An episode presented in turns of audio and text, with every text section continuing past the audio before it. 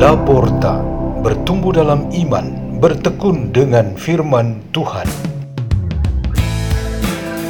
Radio Laporta, pintu terbuka bagimu untuk pertumbuhan pengetahuan dan kebijaksanaan tentang Allah.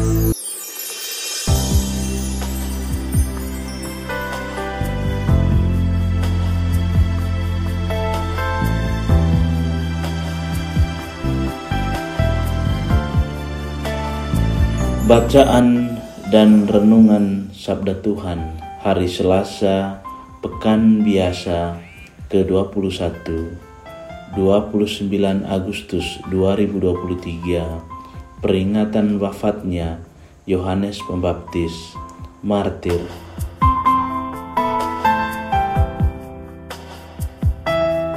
Dibawakan oleh Ignatius Suradin dan Irene Arimawati dari komunitas Pukat, profesional dan usahawan Katolik, Labuan Bajo, Keuskupan Ruteng, Indonesia.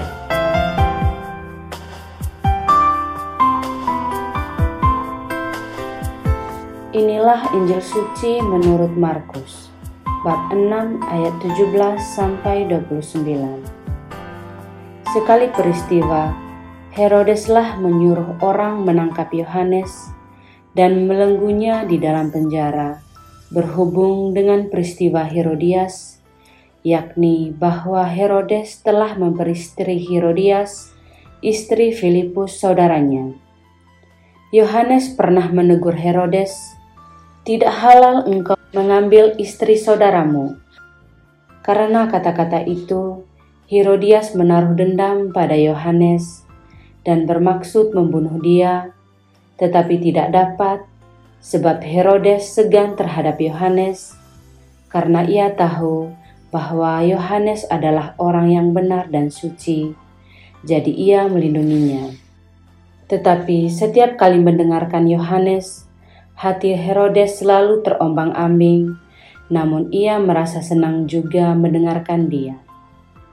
Akhirnya tiba juga kesempatan yang baik bagi Herodias yakni ketika Herodes pada hari ulang tahunnya mengadakan perjamuan untuk pembesar-pembesar, para perwira, dan orang-orang terkemuka di Galilea.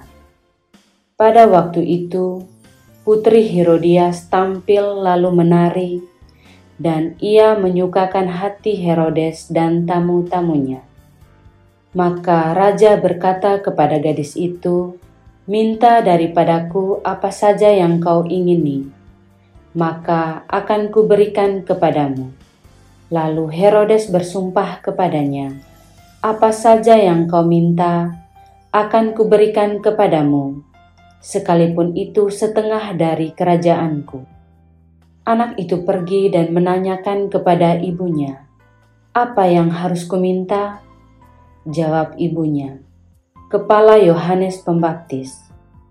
Maka cepat-cepat ia pergi kepada raja dan meminta, "Aku mau supaya sekarang juga engkau berikan kepadaku kepala Yohanes Pembaptis dalam sebuah talam."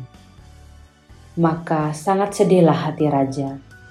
Tetapi karena sumpahnya dan karena tamu-tamunya, ia tidak mau menolaknya raja segera menyuruh seorang pengawal dengan perintah supaya mengambil kepala Yohanes. Orang itu pergi dan memenggal kepala Yohanes di penjara. Ia membawa kepala itu di sebuah talam dan memberikannya kepada Herodias, dan gadis itu memberikannya pula kepada ibunya. Ketika murid-murid Yohanes mendengar hal itu, mereka datang dan mengambil mayatnya, lalu membaringkannya dalam kubur. Demikianlah sabda Tuhan.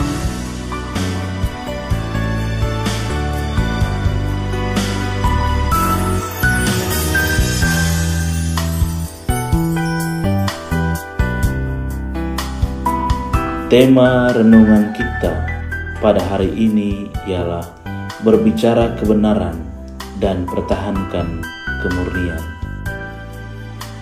Dengan peringatan wafatnya Yohanes Pembaptis, hati dan pikiran kita diarahkan kepada pribadi yang teguh dan lantang yang membawa suara kebenaran dan menyentuh relung hati terdalam manusia. Ia berani dan pantang menyerah, menantang penguasa tertinggi atas hidup tidak bermoral yang jauh dari ketulusan dan kemurnian. Berbicara kebenaran dan memelihara kemurnian, baik dalam ikatan perkawinan suami istri maupun suatu cara hidup tulus, murni, bagi kehidupan yang bermartabat sebagai potret kehidupan Yohanes Pembaptis. Jauh sebelum dia, ada nabi besar Yeremia yang dalam ratapan hati ia diancam mati oleh para musuh. Ia tak pernah menjauh sejengkal pun dari Tuhan. Dirinya berdiri tegak pada kebenaran Allah dan hati pikirannya murni berbakti kepada Allah saja. Apa yang dilakukan oleh Yohanes Pembaptis dan Yeremia ini merupakan bagian dari warta gembira Yesus Kristus. Isi kebenaran ialah kemurnian itu pikiran dan hati yang murni itu bebas dari hal-hal negatif, kacau, abu-abu, berbelit-belit, rasionalisasi, mencari kambing hitam, menghakimi dan berbohong. Jadi dengan bertindak yang benar, nilai kemurnian itu ditegakkan dan diperkuat. Yesus mengecam dengan keras orang-orang Farisi dan para ahli Taurat dengan kata dan perbuatan mereka tidak benar. Ini diperparah dengan intensi dan motivasi mereka tidak murni. Ketika kebohongan, tipu daya, kesombongan, dan nafsu berkuasa ikut masuk ke arena kehidupan bersama umat beriman dan masyarakat, dipastikan kebenaran terancam hilang dan kemurnian nurani manusia terancam pudar.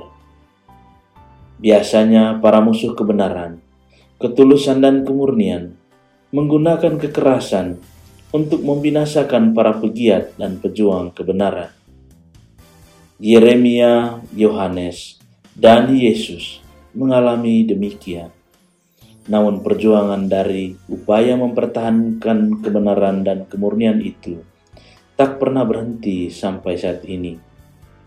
Mengapa para musuh tak sampai berhasil menghilangkan kebenaran dan hidup murni itu? Meski mereka telah mengusahakan itu sejak zaman Yeremia dulu. Karena pikiran dan hati manusia diciptakan untuk kebenaran dan kemurnian.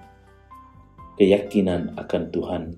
Kita percaya dan mengungkapkan iman bahwa Tuhan memilih untuk tinggal di dalam diri dan hati kita.